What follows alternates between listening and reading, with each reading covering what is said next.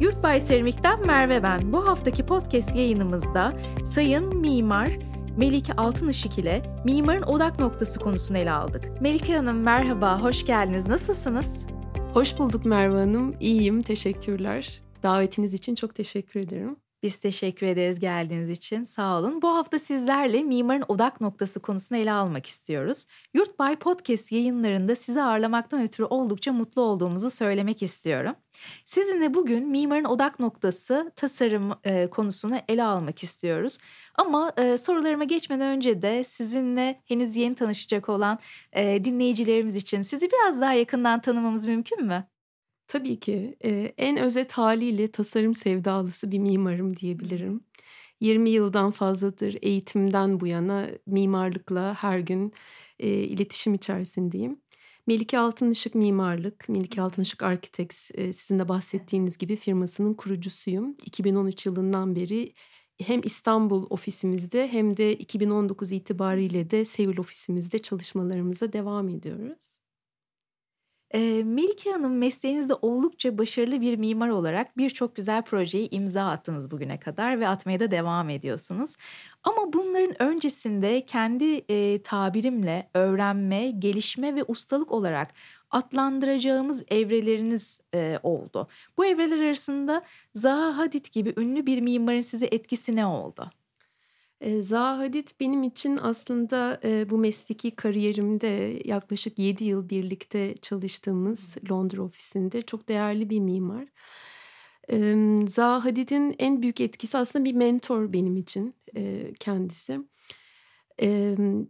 Benzer düşünce yapısına sahip olmamız, işin özünde aslında iyi tasarım üretmek, iyi iş yapmak, bunun peşinde koşmak, ben değil de bize inanmak, ekip olmanın gücü ve bunun getirilerini, eee, Zaha Hadid ve onun ofisi olan Zaha Hadid Architects'teki diğer tüm mimarlarla bir nevi deneyim etme şansım olduğu için kendisinin bende çok büyük etkisi vardır.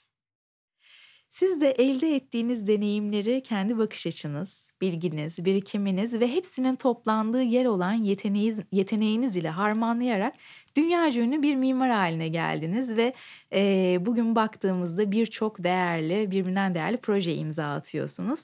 Tüm bu başarının öncesinde sizi bir sonraki seviyeye yükselten kırılım neydi? E, bu an neydi aslında Melike Hanım?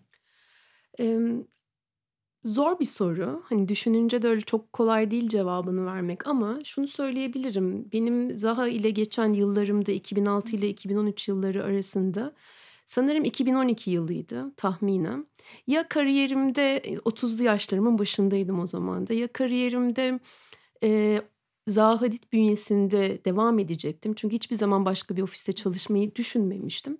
Ya da bembeyaz bir sayfa açıp, eee, kendi hikâyemi kuracaktım. Çok büyük bir riskti.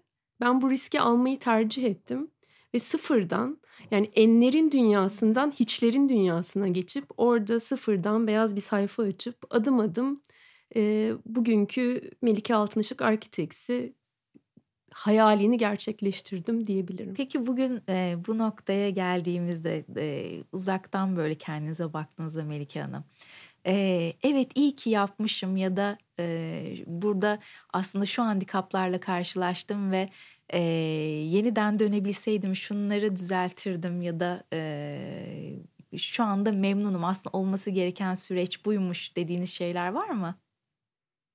Keşke demek istemiyorum genel itibariyle, yani, hayatımda geçen süreçler içerisinde. Bence, eee, yaşananlar iyisiyle kötüsüyle her hâliyle birer deneyim olduklarını görüyorum. O deneyimlerden neler öğrendiğimiz aslında bir sonraki atacağımız adımda bize çok iyi yol gösterici oluyorlar. O yüzden keşkelerden öte oradan öğrenmek, öğrendiklerimizle de kendimizi geliştirmek ve, eee, feyz çıkarmak diyeyim, yani, hani, o konu içerisinden benim için hep çok önemli oldu. Yol çok zorlu bir yol. Yani bu mesleğin zaten kendisini seçmekle başlayarak bence o zorlu yola adım atmış oluyoruz. Aslında baktığımızda, eee, bir gün mimar olacağım diyen küçük bir kızın hikâyesi, eee, var, eee, aslında tüm yaşamınızda ve, eee, dolaylı olarak tasarımla tanışma süreciniz de o yaşlara denk geliyor. Melike Hanım'ın dünyasında tasarımın tanımı nedir? Çocukluğunuza dönüp baktığınızda ve e, bugünkü e, Melike Altın Işık olarak hepsini harmanladığınızda nasıl bir yol haritası e, çizebiliyorsunuz kendinize? Nasıl e, gençlere gibi tavsiyeler verirsiniz bu noktada? Güzel bir soru. Emm, küçüklüğümden bu yana aslında mimar olacağımı demeye başladığım yaşlar daha, eee, gençlik yıllarıma doğru denk geliyor. Küçükken ama tasarımla ilgili bir şey yapacağım belliydi. Yani o o yatkınlığım, hani, bir yandan bakıyorsunuz tamam resimle ilgileniyorum, okay. Ama asıl, eee, benim kendimce bugünden baktığımda gözlemlediğim şey problem çözmeye karşı olan ilgimde yattığını görüyorum ve bunu farklı bakış açılarıyla da birleştirdiğinizde aslında hani orada yeteneğiniz devreye giriyor. Bir yandan analitik bir düşünceden bahsediyoruz. Puzzle yapmayı çok severdim. Yani bana Barbie bebekler alınmazdı. Bana puzzle paketleri alınırdı. Böyle sonsuz onları yani parçadan bütüne ilişkileri kurabilmek, o bütünü görebilmek ama bütünü görmeden önce o parçaları anlamak ve bunları bugünkü hani gidişatımıza ve yolumuza baktığımızda aslında o kadar kompleks sistemlerle uğraşıyoruz ki mimar olarak ve bu sistem anlayışı içerisinde aslında çok farklı birbirinden bağımsız parçaların nasıl ilişkiye gelebileceklerini ve o ilişkinin nasıl bir nitelikli ve değer üretebilecek bir hale dönüşebileceğini kurgulama hali diyeyim, işte o problemi çözme hali, tasarım bana orada kendini güçlü olarak gösteriyor. Eee, bu noktada ben bir şey sormak istiyorum size. Çocukken geriye dönüp baktığınızda evet bu bana çok büyük bir ilham kaynağı olmuş ve benim aslında tasarım noktasında eee, yavaş yavaş bu süreci evrilmemi ve eee, yol haritamın eee, yol haritamın eee, harita, haritamı belirlememe sebep olmuş dediğiniz şey nedir? Bence aile en özünde. Yani, eee, bir mühendis babanın kızıyım fakat çok sanatla ilişkisi olan biriydi kendisi. Bir yandan bakıyorum, böyle, hani, çeşitli malzemelerle uğraşırdı. Hani, bir yandan ahşap oyma, vitray yapma, işte, eee, ne bileyim, yutong, ımm, yani, beton gaz alıp onunla duvara tarihi bir, eee, Bergama tapınağından bir sahneyi oyma ve ben de ona dahil olurdum. Onunla birlikte aslında benimki e, o fikri yaratmak değil ama hani o sürecin içerisinde bir emek harcamakla ilgiliydi. O çeşitlilik dünyasının içerisinde aslında bir yandan da yaratmayı, farklı düşünmeyi, bir malzemeye nasıl farklı bakabileceğiniz, onu başka nasıl yorumlayabileceğinizle ilgili bana ailenin kattığı öyle çok değerli bir bence bakış açısı yani özgürlük diyeyim kısmı vardı. Bir yandan da hata yapmama izin verdiler hep. Çünkü o hatalarımdan da öğrenmek bence beni bugünlere de getirdi. Yani onun değerini anlamak daha doğrusu. Öyle Peki söyleyeyim. sizce mimarlıkta hata yapabilme lüksünüzün olması önemli bir argüman mı? Yani şöyle diyeyim, hani hatadan kastım şudur. Hiçbir şey mükemmel olamaz. Yani mükemmel olması için çabalarız yani mükemmel olması için çabalarız. Fakat o süreç içerisinde çok aktörlü bir meslek gerçekleştirdiğimiz için mutlaka e, çeşitli sesler, çok sesli bir ortamdayız. E, projenizi ya da tasarımınızı bir yerlerden çekiştirebilirler ve siz haliyle e, o kusurlarla birlikte tasarımınızı geliştirirsiniz ama oradan öğrenirsiniz. Çünkü oradaki e, belki de ekleyeceğiniz bir müdahale belki o sırada yapamadınız ama onu bir sonrakine ekleme fırsatınız olur. O farkındalığa varırsanız. O yüzden ben hata yapmanın hani o anlamda hata yapmanın çok değerli olduğunu görüyorum. Çünkü gelişimin önünü açıyor diye düşünüyorum. Peki bir sorum diğer soruma geçmek istiyorum geleceğin kompleks sorunlarını bugünden kendisine dert edinen, enerji kaynaklarını en iyi kullanan her mimar ve tasarımcının önü her zaman açıktır dediğiniz bir röportajınıza denk geldim. Bunu biraz açabilir misiniz bizler için? Bu benim eee, hem mimarlığa hem hayata aslında bakış açımı tasvirleyen bir cümle olduğunu, yani bir anlatı olduğunu dile getirmek isterim öncelikle. Ne yapıyorsak, yani, eee, özellikle mimarlık eğitimini almaya başladığım ve bunun üzerine de uzmanlaşmaya başladığım yıllarda, nereden baksanız bundan 15 yıl, 16 yıl öncesine geri döneceğim.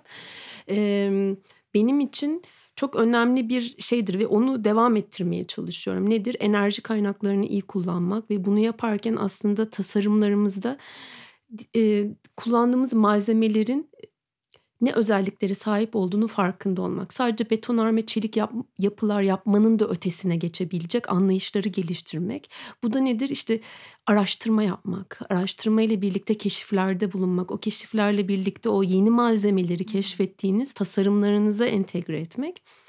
Ve bu vesilede aslında geleceği çünkü gelecekte bizi gerçekten şu an insanlar daha da iyi fark etmeye başladılar.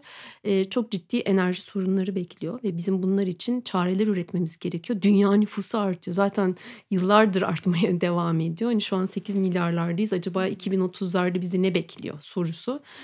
Kaç katına çıkacak nüfusumuz ve bununla birlikte biz buna nasıl çözümler sunuyoruz? Biz bugün de yaşıyoruz ama biz gelecek için tasarlıyoruz.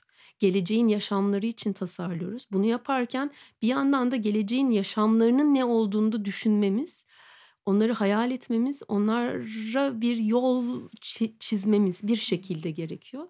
Yaptığımız yapılar uzun ömürlü yapılar. Bununla birlikte o yüzden diyorum. Yani yapıyı yaparken tükettiğimiz enerji ve onun katkıları neler olur? Neler götürüyor? Yani neleri tüketiyoruz, neler ekliyoruz fayda olarak? Farkındalığımızın artması için bence o söz çok önemli olduğunu düşünüyorum. Hep kendimize de hatırlatıyoruz her tasarımımızda. Çok teşekkür ediyorum bu detaylı açıklama için. Bence gençlere de çok güzel bir emsal olduğunu düşünüyorum bu anlamda. Ee, biraz da tasarımlarınıza değinmek isteriz. Ee, şu ana kadar hangi projeleri imza attınız? Sizi en çok heyecanlandıran projeniz hangisi diyebiliriz? Biz ölçekler arası çalışıyoruz diyebilirim. Hani bir yandan bakıyorsunuz İstanbul'da fütüristik yapısıyla 369 metre boyunca yükselen İstanbul Televizyon Radyo Kulesi var. Diğer yanda bakıyorsunuz Seul'de ofis açmamıza vesile olan Robot ve Yapay Zeka Müzesi projemiz var. Onun da inşaatı iki hafta önce e, temeli iki hafta önce atıldı ve inşaat süreci başladı. Bir yanda bakıyorsunuz çok küçük ölçekli yani araştırma projeleri, malzeme araştırmaları, mobilya ölçeğine kadar inebilen çok katmanlı böyle bir projelendirme e, aş, projelerimiz söz konusu. Yeri geliyor hiç böyle insanların tahmin etmediği çok küçük bir ölçek beni çok heyecanlandırabiliyor. Yani diyelim öğrencilerle bizim gerçekleştirdiğimiz e, Beton Art'ın bir yaz okulu söz konusuydu. Orada biz bir atölye çalışması yaptık ve e, betonun bambaşka bir haline e, can verdik diyeyim yani hani onun e, kaba, çirkin, gri, e, sert sıfatlarını beyaz, yumuşak, e, çekici olma hallerine dönüştürebilecek ve içine doğayı da katabildiğimiz, doğanın da içinde var olabildiği bir tasarım gerçekleştirmiştik. O küçük ölçeğine rağmen benim böyle inanılmaz sevdiğim çünkü e, bir önü açık bir araştırma projesi olduğu için belki de. Hani oradaki fikirleri şimdi büyük ölçeklere taşımak benim için çok değerli bir sürecin başlangıcı diyebilirim. Hı hı. Peki, eee, yeni bir projeye başladığınızda süreciniz nasıl ilerliyor? Bir tasarımın ortaya çıkış serüveninde karşılaştığı durakları bize biraz anlatabilir misiniz bir tasarımcı olarak? Öncelikle araştırma her şeyden önce. Yani bizim yaklaşık en az bir hafta, çoğu zaman iki hafta hatta proje sürecince de süresince de tabii ki o süreç devam ediyor. Bir araştırma sürecimiz oluyor. Aynı tipolojide projeler yapsak dahi yeri geldiğinde yine de yeniden sanki hiç o proje o tipoloji üzerinde, o proje üzerinde çalışmamışız gibi araştırmalar yapıyoruz. Çünkü araştırma yaptığınızda onu çeşitli kategorilere bölmek, onlar üzerinden araştırmak bizim için önemli oluyor. O araştırma sürecinin üzerine de onunla birlikte fikrin e, kendini var edeceği yeni bağlamlar icat etmeye çalışıyoruz aslında. Çok teşekkür ediyoruz e, bu bilgiler için. E, Çamlıca TV ve Radyo Kulesi birçok İstanbul'un ve tabii tüm dünyanın bildiği meşhur yapılardan bir tanesi. Bu muazzam projenin imzası da Melike Altınış'a ait. Bize bu projenizin hikayesini anlatabilir misiniz? Çamlıca Kulesi projesi bizim tabirimizle İstanbul Televizyon ve Radyo Kulesi projesi. E, hikayesi bundan 10 yıl öncesine gidiyor. 2011 yılında e, benim Londra'da yaşadığım dönemde açılmış olan ulusal bir yarışmayla süreç başlıyor. Ve akabinde e, projelendirme aşamaları çok ciddi... E, hem mimarın hem mühendisin birlikte düşünebildiği, birlikte üretebildiği bir sürecin var ediliyor olmuş olması o projede çok değerliydi. İleri tasarım ve ileri mühendislik bilgileri bir araya getirilerek e, teknolojik bağlamda ve verdiği hizmet yani ana fonksiyonu telekomünikasyon olan bir yapıdan bahsediyoruz. E, ortaya çıktı. Bunu hani mimari dille birleştirme hali benim için çok heyecanlıydı. Çünkü genelde bu tarz yapılar mühendislerin sanat eseri olarak bilinirler. Ama bu proje aracılığıyla mimar ve mühendislik bilgileri birleşip aslında e, bugünün olanaklarını ve fikri bilgilerini birleştirerek yani bizim için en önemli verilerden biri o fikri bilgileri birleştirirken İstanbul'un rüzgarını almaktı. Rüzgar verisini almak ve bunu mimari bir dille yapıya aktarmaktı. O yüzden şöyle düşünebilirsiniz yani baktığınızda da göreceksinizdir. Asya'ya bakan yüzüyle Avrupa'ya bakan yüzü farklıdır o projenin e, alışıldık. Biz lollipop tipolojisi deriz. Avrupa'nın çeşitli yerlerinde gördüğünüz bu tarz e, anten kulelerinde olan yapıdan farklıdır. Aslında başlangıç noktası tasarımın DNA'sı oradan gelir. Ama bu rüzgar verilerinden aldığımız bilgiyle birlikte orada amorf bir yapı ortaya çıkar ve öyle olunca da e, bilimsel bağlamda diyeyim bir yandan hani sonuçta gördüğünüz mimari bir sonuçtur ama kendi sürecinde bilimsel bir e, aşamaları söz konusudur ve o amorf yapı ortaya çıkar. Bunu yapabilmiş olmak, o bilgileri orada o süreçte yani nereden baksanız işte 3-4 yıllık bir projelendirme süreci o süreç içerisinde e, bir yuvarlak masanın çevresinde onlarca kişiyle ve yani bunların her biri işte mühendisi, danışmanı, çeşitli konunun uzmanlarıyla bunu düşünmüş olmak, bunu geliştirmiş olmak bizim için çok değerli bir bilgi havuzu oluşturdu diyebilirim size. Hı hı. Eee, Çamlıca TV ve Radyo Kulesi fütüristik bir tasarıma sahip olmasının yanı sıra çok göz alıcı bir yapı. Yapının tasarım sürecinde size neler ilham oldu bu, ııı, uzun bahsettiğiniz süreçte? Bu süreç içerisinde İstanbul'un dediğim gibi rüzgarı birinci ilhamlardan biriydi. İkincisi yani hem ilham hem de bilimsel veri olarak gerçekten e, ilham sürecine dahil olmuş bir unsurdu. İstanbul'un kendisi tabii ki bir veriydi manzaralarıyla birlikte. Çünkü o manzara noktaları ve onlara onlarla kurulacak olan görsel iletişimde biz sadece teknik altyapısı olan bir kule değil aynı zamanda içerisinde e, İstanbulluların da gelip kullanabilecekleri alanlar da önermiştik.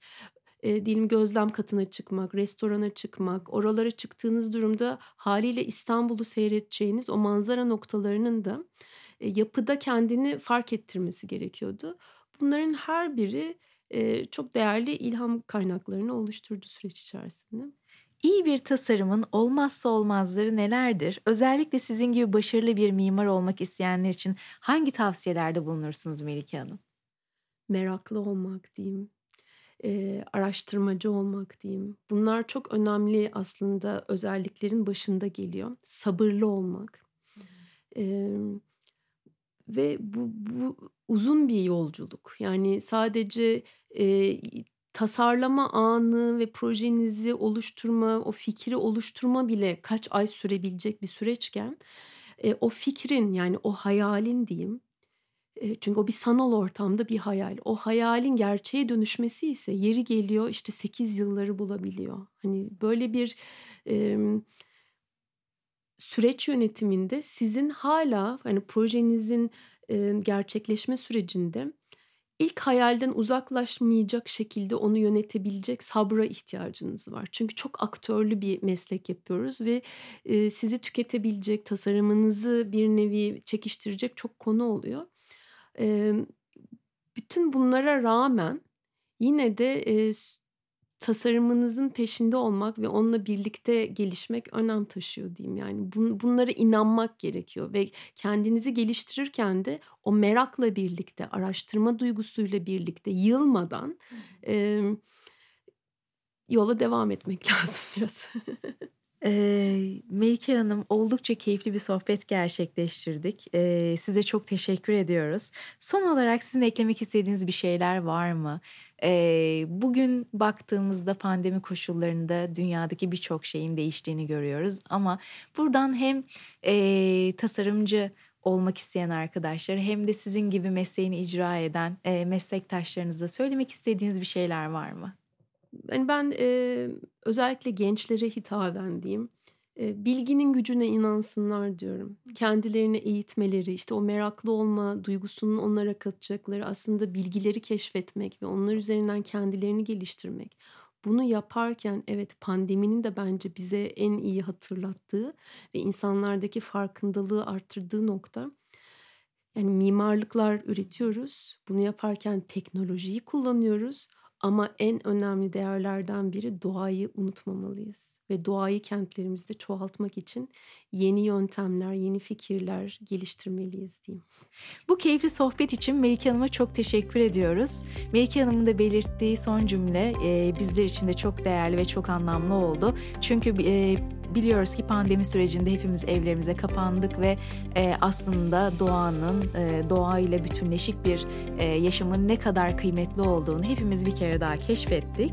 Bu e, bir sonraki podcast yayınımıza kadar herkese sağlıklı ve keyifli bir e, günler diliyoruz. Görüşmek üzere.